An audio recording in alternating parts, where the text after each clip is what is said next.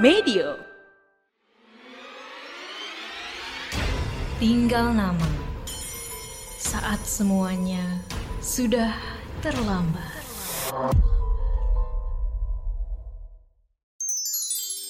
Teman-teman, ada kejutan nih. Kamu bisa mengenang kembali cerita-cerita pendek dan dongeng dari majalah Bobo edisi spesial 50 tahun. Dengarkan versi audio dramanya di podcast Dongeng Pilihan Orang Tua pada aplikasi Noise.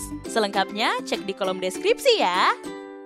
Walau konten audio berdasarkan kisah nyata, beberapa adegan, tokoh, dan kejadian telah dimodifikasi untuk menambah unsur dramatis. Konten ditujukan untuk audiens dewasa karena dapat mengandung bahasa eksplisit dan berunsur kekerasan. Kebijaksanaan pendengar sangat disarankan.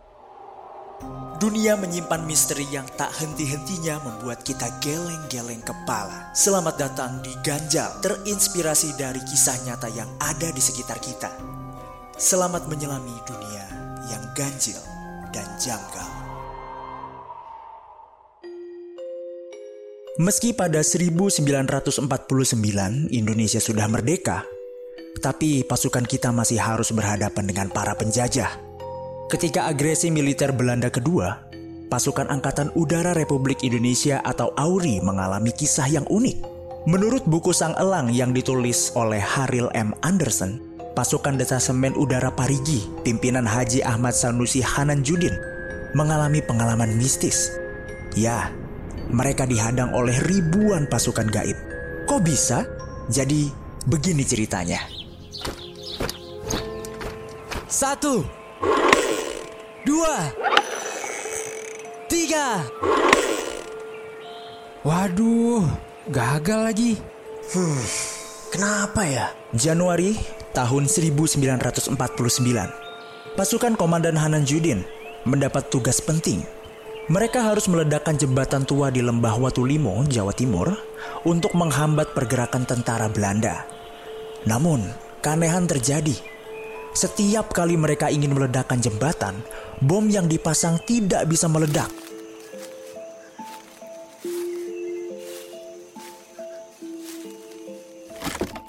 Lapor komandan, lagi-lagi jembatan gagal kita ledakan.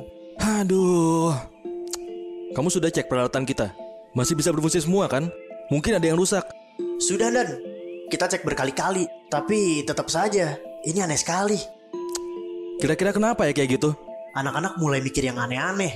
Soalnya Dan, hutan Watu Limo ini banyak yang bilang angker. Katanya tempat tinggal makhluk gaib sama penduduk sekitar. Ah, kamu. Omongan penduduk sini saja itu. Walaupun tidak percaya, Hanan Judin penasaran dengan fenomena aneh ini. Ia kemudian bertemu dengan tokoh desa setempat untuk mencari tahu tentang jembatan tua ini.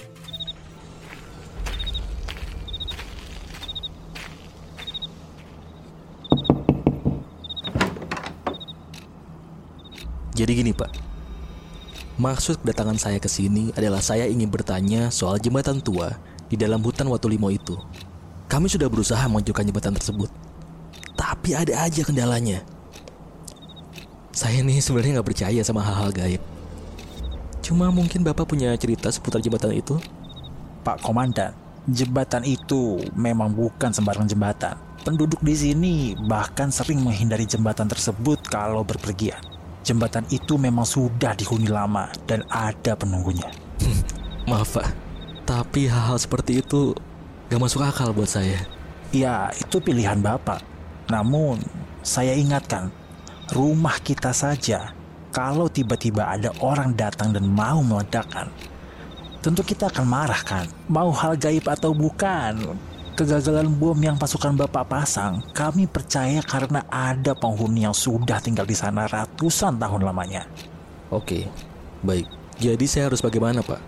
Bapak bisa meminta kepada Allah Subhanahu wa taala, bermunajat dan berpuasalah minta kepada Allah untuk memindahkan penunggu jembatan tersebut.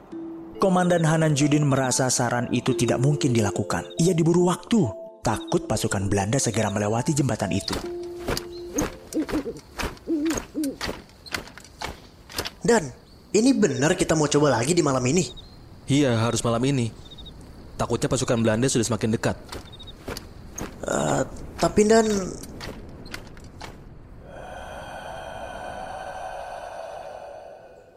Tadi ngerasa ada yang lewat gak?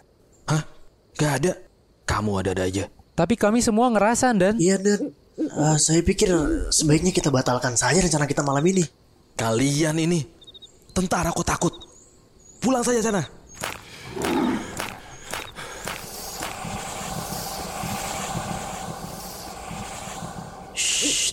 Suara apa itu? Komandan, komandan, itu itu apa?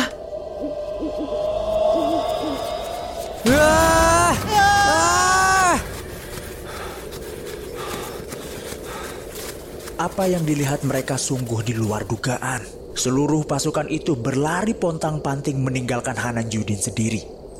Di hadapannya, ia melihat ada ribuan tentara berdiri di depan jembatan menjuruskan bedil kuno ke arah mereka. Semuanya menggunakan pakaian militer Jawa kuno, seakan datang dari zaman yang berbeda.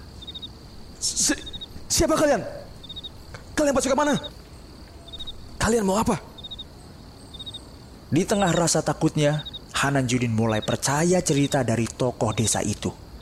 Ia pun mengumpulkan keberaniannya untuk menghadapi pasukan tersebut. Assalamualaikum. Saya Hanan Judin, Komandan Pertahanan di wilayah Watulimo. Kami datang ke sini dengan maksud baik untuk menyelamatkan rakyat dan alam daerah ini dari penjajah Belanda. Ka- kami mohon bantulah perjuangan kami ini untuk menegakkan kemerdekaan Indonesia. Saya yakin saudara sekalian memahami situasi ini dan ada di pihak kami. Perjuangan ini sudah dilakukan sejak zaman nenek moyang, sejak zaman Sultan Agung Raja Mataram, dan kami hanya ingin melanjutkan cita-cita beliau. Jadi, saya memohon dengan sangat untuk memaklumi alasan kami ingin memutuskan jembatan penghubung desa ini. Ini semua demi keselamatan rakyat Batu Limo. Terima kasih atas pengertiannya. Assalamualaikum. Setelah itu, ajaibnya pasukan ini menghilang, menyatu dengan gelap malam.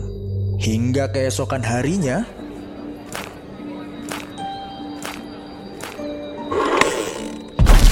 jembatan berhasil diledakkan hanya dalam percobaan pertama. Berkat aksi heroiknya itu, Has Hanan Judin akhirnya menjadi Bupati Belitung di tahun 1967. Namanya kini diabadikan menjadi bandara internasional di Pulau Belitung. Kejadian malam itu tentu tidak akan pernah dilupakan oleh pasukan Komandan Hanan Judin. Misteri pasukan misterius ini mungkin tidak akan pernah bisa terkuak. Walaupun begitu, biarlah kisah ini menjadi pengingat buat kita semua untuk bisa menghormati bumi yang kita pijak. Karena kita tidak pernah tahu siapa saja yang menghuni tempat tersebut. Sampai jumpa di episode ganjal berikutnya. Untuk cerita ganjil dan janggal berdasarkan kisah nyata yang ada di sekitar kita.